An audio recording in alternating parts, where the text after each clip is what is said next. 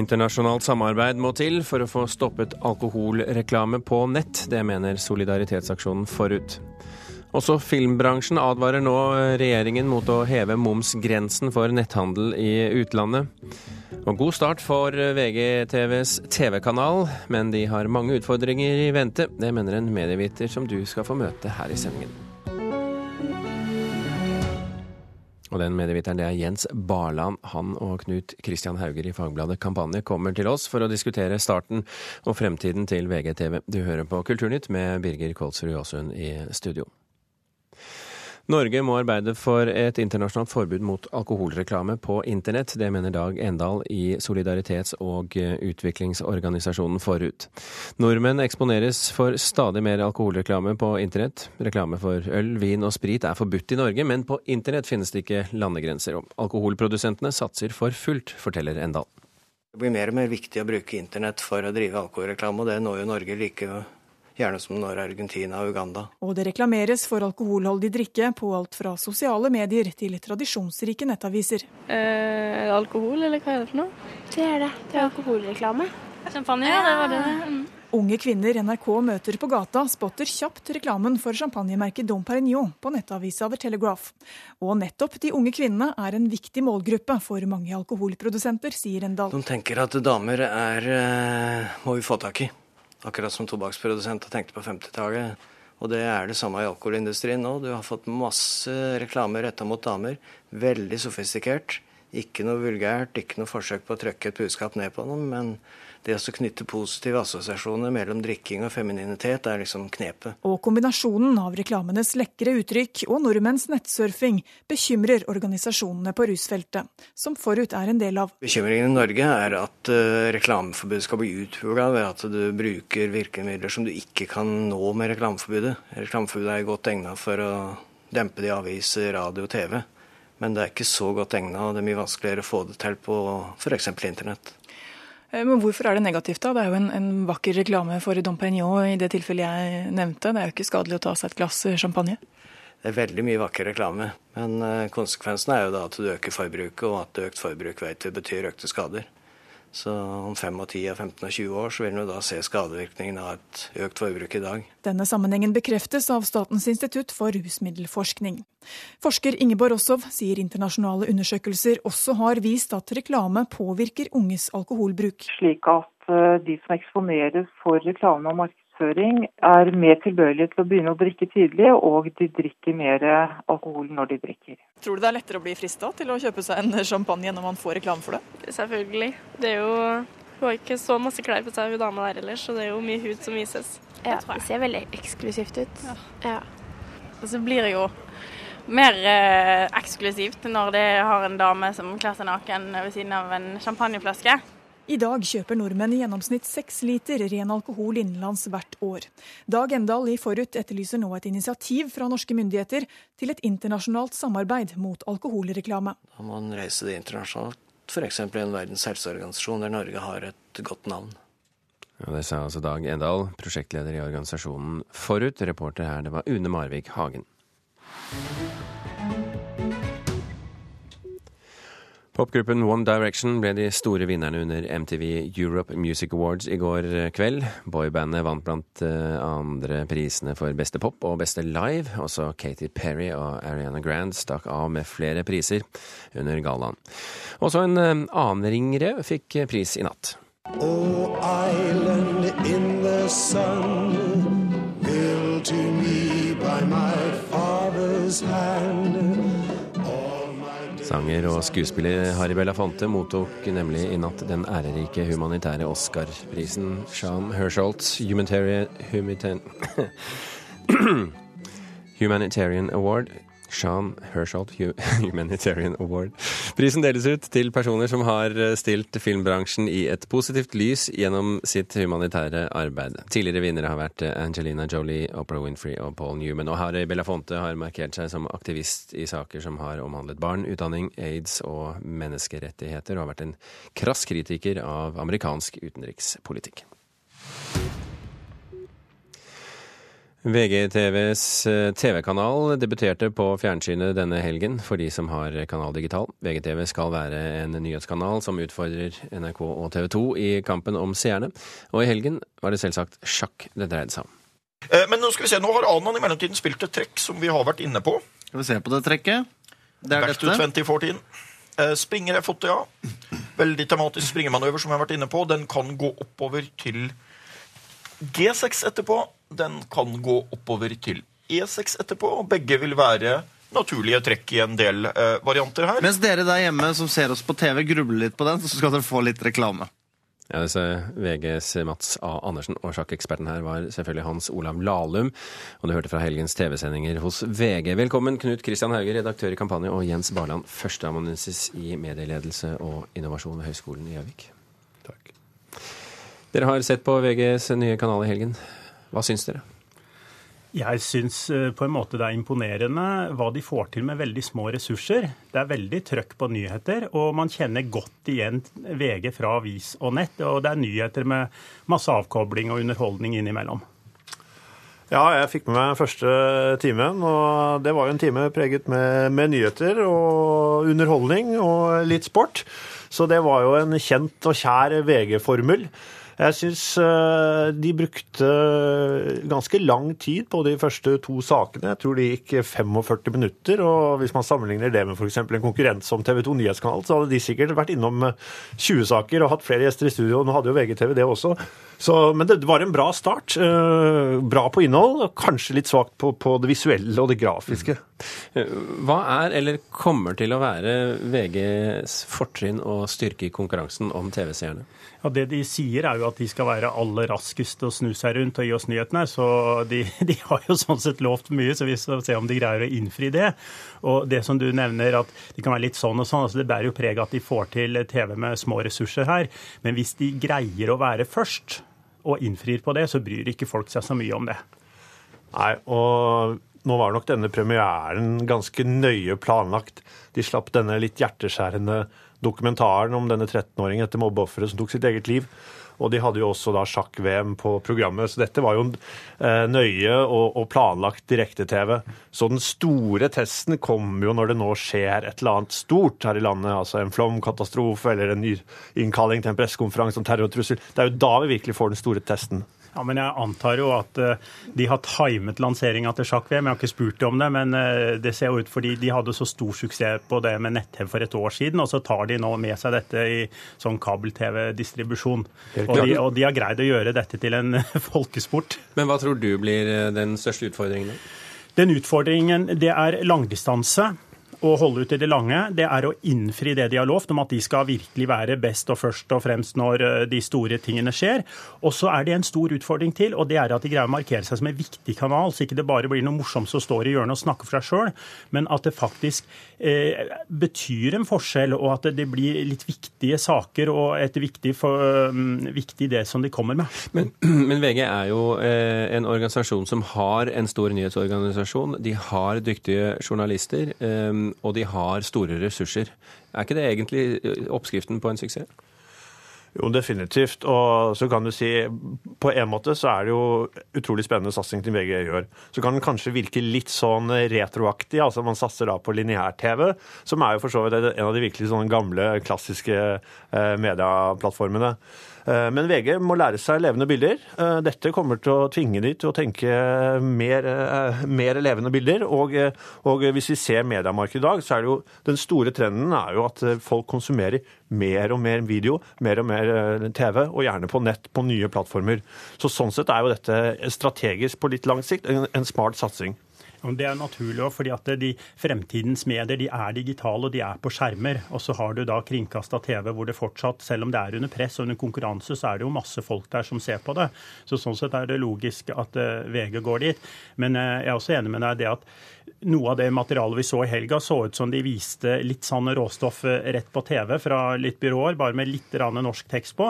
Eh, Men når dette blir foredla, og sammen med tekstfeeder og det ene og det andre, og litt egne produksjoner, så tror jeg nok eh, miksen, ideen og konseptet, det har, er liv laga. Men har NRK og TV 2 noe å frykte fra VG? Der får jeg en liten déjà vu fra da for over 20 år siden, når TV 2 kom, og man lo litt av det, og det var litt dårligere bilder og i det hele tatt. Men så snudde de seg rundt, særlig på sporten, og var ofte raskere enn NRK. Og da kunne NRK vise så mye de ville til at det var alltid høyere kvalitet hos dem.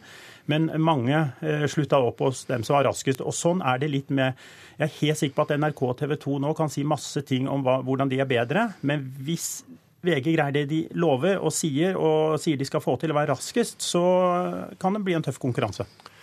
På kort sikt så har de nok ikke så mye å frykte. De har ikke så mye å frykte heller i kampen om reklameinntekter og alt dette her. Men på litt lengre sikt så handler det om å ta en posisjon i mediemarkedet. Og det er klart eh, hvordan TV-seingen og TV-markedet kommer til å være om fem-ti år, er det jo ingen som vet. Men det er ingen som vet om fem-ti måneder, Haugi. Ikke sant? Og eh, da kan det vise seg å være veldig smart av VG å ha etablert en lineær TV-kanal mens det fortsatt er lineære TV-seere, og sånn sett stå mye sterkere rustet når dette TV-markedet blir fullstendig digitalisert. Knut Kristian Hauger og Jens Barland, tusen hjertelig takk for at dere kom til Kulturnytt.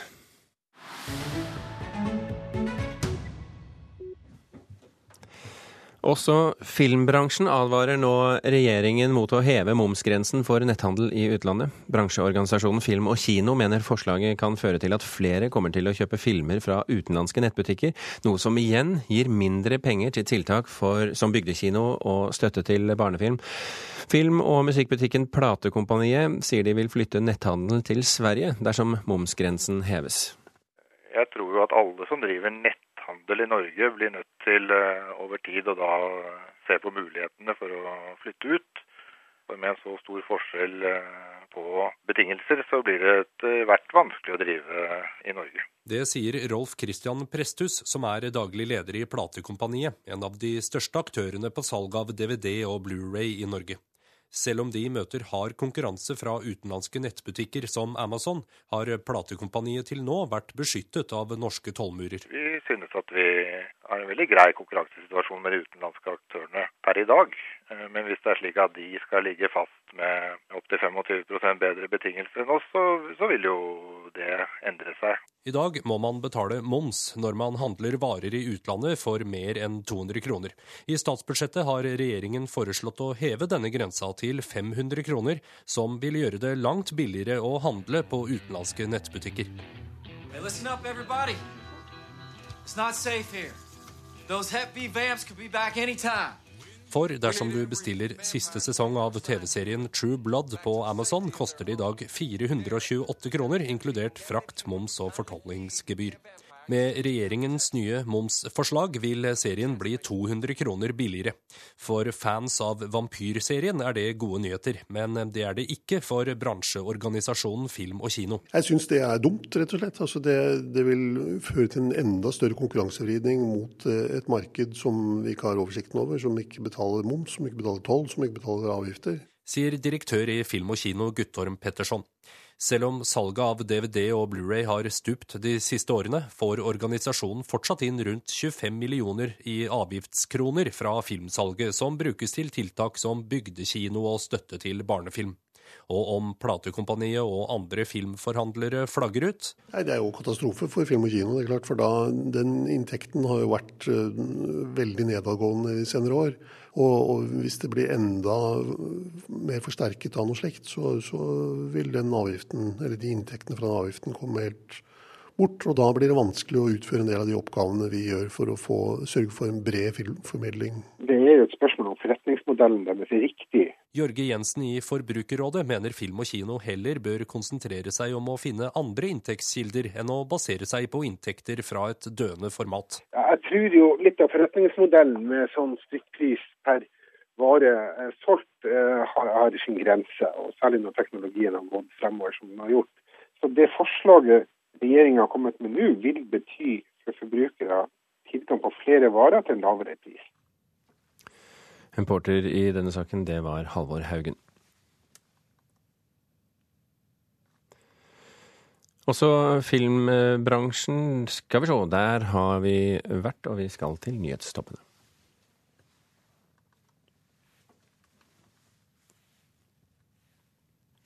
Ja, vi har litt trøbbel med teknikken her. Vi later som vi har eh, kontroll og eh, går videre i sendingen. Klokken er snart 18 minutter over åtte. Du hører på Kulturnytt, og dette er toppsaker i Dagsnytt nå.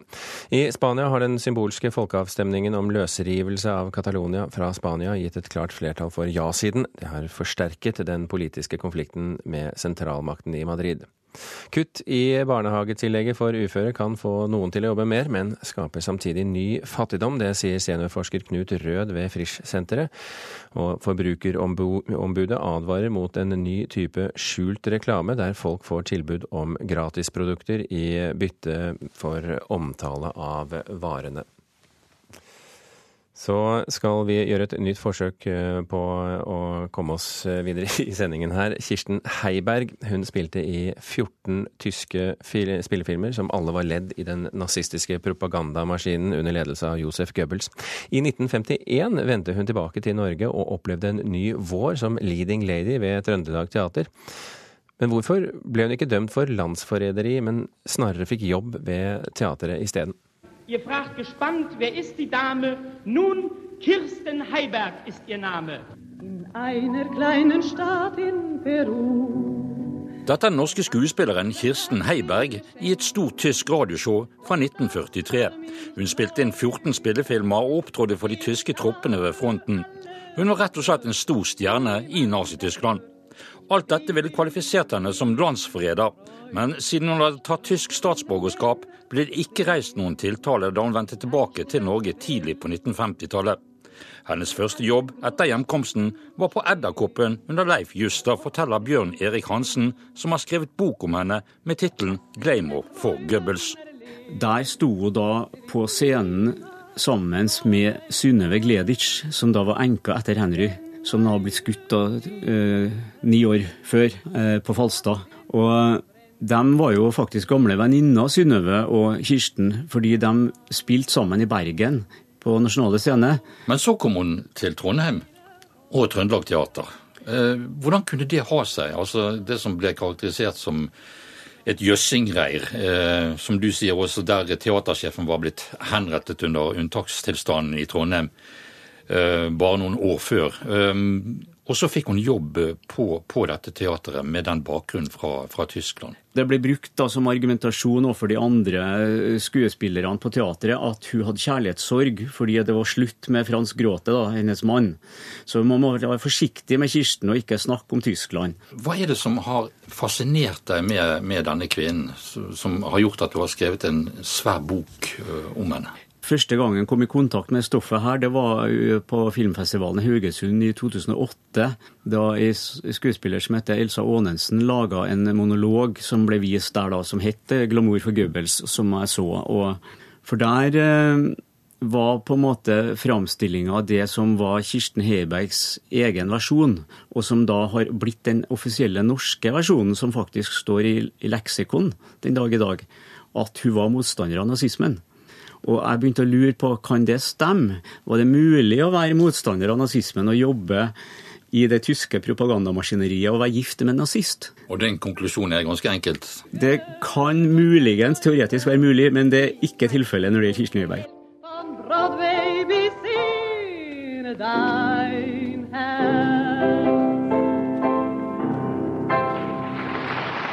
Ja, Vi hørte til slutt eh, Kirsten Heiberg fra det tyske radioshowet Blinkenfeuer Heimat fra 1943. Reporter her, det var Jan Rye Ravnestad.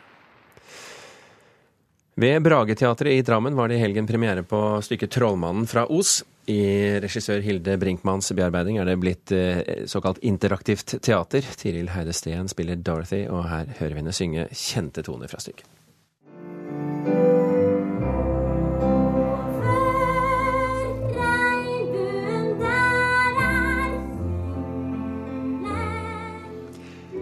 Ja, Karen Frøsland Nystøl, teaterkritiker her i NRK. Kjente toner, kjent fortelling, en legendarisk filmatisering i Hollywood. Eh, uvant form, hva er uvant form i denne sammenheng? Uvant form, det er at dette stykket presenteres som vandreteater. Det vil si at eh, publikum sitter ikke på en plass og ser noe som skjer der framme. Publikum er med, er interaktive, medskaper når Vi går sammen med Dorothy til Smaragdbyen Os og løser oppgavene med henne sammen underveis. Det er nesten sånn Det er lagt opp sånn at Dorothy er avhengig av at publikum er med. At publikum hjelper til for at dette skal gå opp. Og eh, dette er jo barneteater for barn fra, fra seks år og oppover. Og det er klart at det er en helt annen måte å oppleve teater på enn det man stort sett er vant med. Ja, for, for, for oss voksne så ville det kanskje vært litt kleint? Nei, altså, sånn som det var på premieren, så er det gjerne de voksne som må trå til, da. Når Blikkmannen blir bedøva i den store blomsterenga, og vi alle kjenner at det lukter veldig sterkt, eh, sterkt eh, blomsterduft, så, så segner han om, og da, da, peker Dorothy ut. Du og du, vær så snill, kom og hjelp og bær han ut før apekattene kommer og tar han. Så vi vi må jo hjelpe til, ellers så, så nytter det ikke. Det er ikke bare det apekatter som kommer, det er tornadoer også? Ja, og der er vi jo òg med. Det starter jo med at um, publikum får på seg røde sokker. I, i, sånn, som en link til da Dorothy sine røde sko.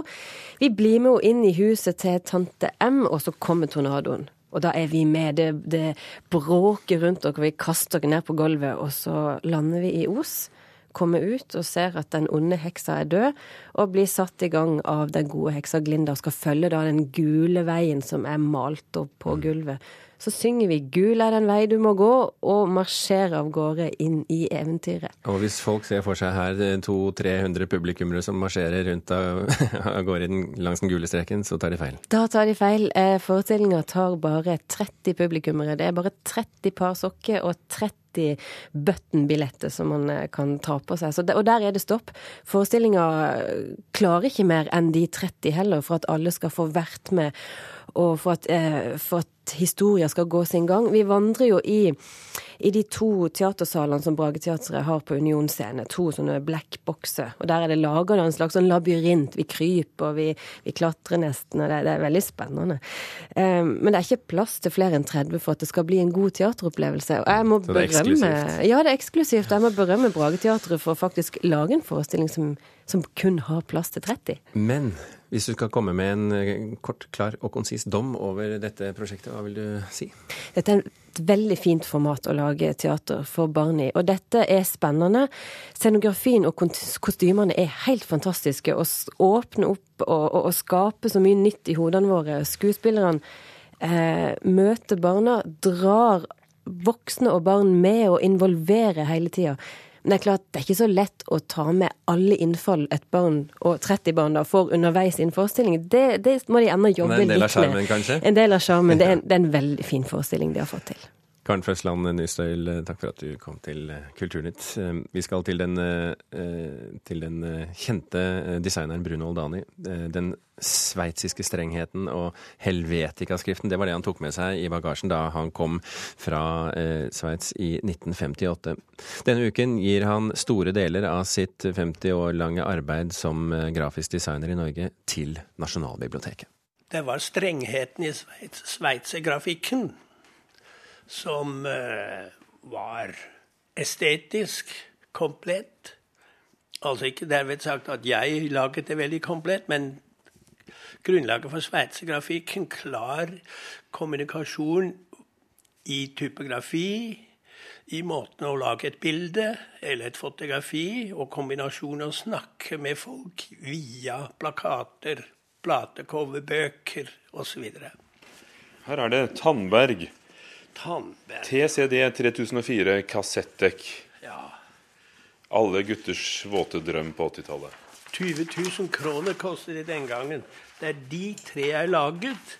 På Bruno Oldanis kontor i den gamle leiligheten i Bygdøy allé i Oslo er de sveitsiske modulmøblene i stål fulle av brosjyrer, plansjer, plakater og andre av Oldanis ting, som var med å prege estetikken i Norge på 60-, 70-, 80- og 90-tallet. Som Tandbergs siste hifi-anlegg, designen på de første glassfiberskiene Epoke, og nå får Nasjonalbiblioteket 150 plakater, 50 plateomslag og mange bøker, som han selv skal være med og diskutere på et seminar på torsdag. En av de første tingene viser gangen fra den gangen. Jeg laget en jazzplakat, selvsagt som alltid, gratis, for en av de store uh, jazzmusikere. Men For da Earl Fatta Heinz kom til Norge i 65, da laget jeg en stram, flott plakat som jeg fortsatt syns det var veldig bra, selv om jeg nå tenker ja, men var det så mye jazz i den eh, typografiske løsningen? Den viser jeg. Men du ser også etter hvert den første var stram i 67. Veldig stram. Og etterpå utviklet det seg mer og mer illustrativ. Og ikke så streng og fortelle mer historier. Altså jeg tolker egentlig en film, eller jeg tolker en bok ved, på min måte. Så da, da Pax-bøkene kom på 60-tallet de var jeg visst en sensasjon, heter det seg. Bjørneboe var hos meg da vi laget noen av de bøkene. Og de har jeg med og viser også, for da standardiserte jeg alle bokomslag for Pax den gangen. Arthur Tennø på Nasjonalbiblioteket har allerede fått plakatene fra Aldani. To eksemplarer av hver. Ett som skal ligge i fjellet, og ett som du og jeg kan studere. Der ser vi en interessant plakat. Det er den første plakaten som Bruno Oldani lagde. Her ser vi et veldig strengt uttrykk som eh, gjerne da eh, blir kalt for sveitsisk, eller sveitsergrafikk. Eh, og det var jo der Bruno Oldani kom fra, men som da han utvikla til å bli eh, noe mye mer. Earl Fatha Hines jazzkonsert første gang i Norge. Hvem bruker samlinger som denne? Altså, vår samling skal jo være for alle. Vi skal eh, være en institusjon som skal bidra til at man skal kunne forske på det norske samfunn. Det er historie, og det er sant. Men man lager mye rart. Og da må jeg velge at, å si dette er for dårlig for å være bekjent av. Det hender det, og det hender ofte. Så når jeg da har gitt bort masse plakater, så har jeg ikke gitt bort de jeg egentlig syns dette kunne vært bedre. Reporter her, det var Ugo Fermariello. Kulturnytt er slutt. Frode Thorshaug, Lars Ivar Nordahl og Birger Kolsrud Aasund takker for følget. Men Nyhetsmorten, Nyhetsmorgen fortsetter.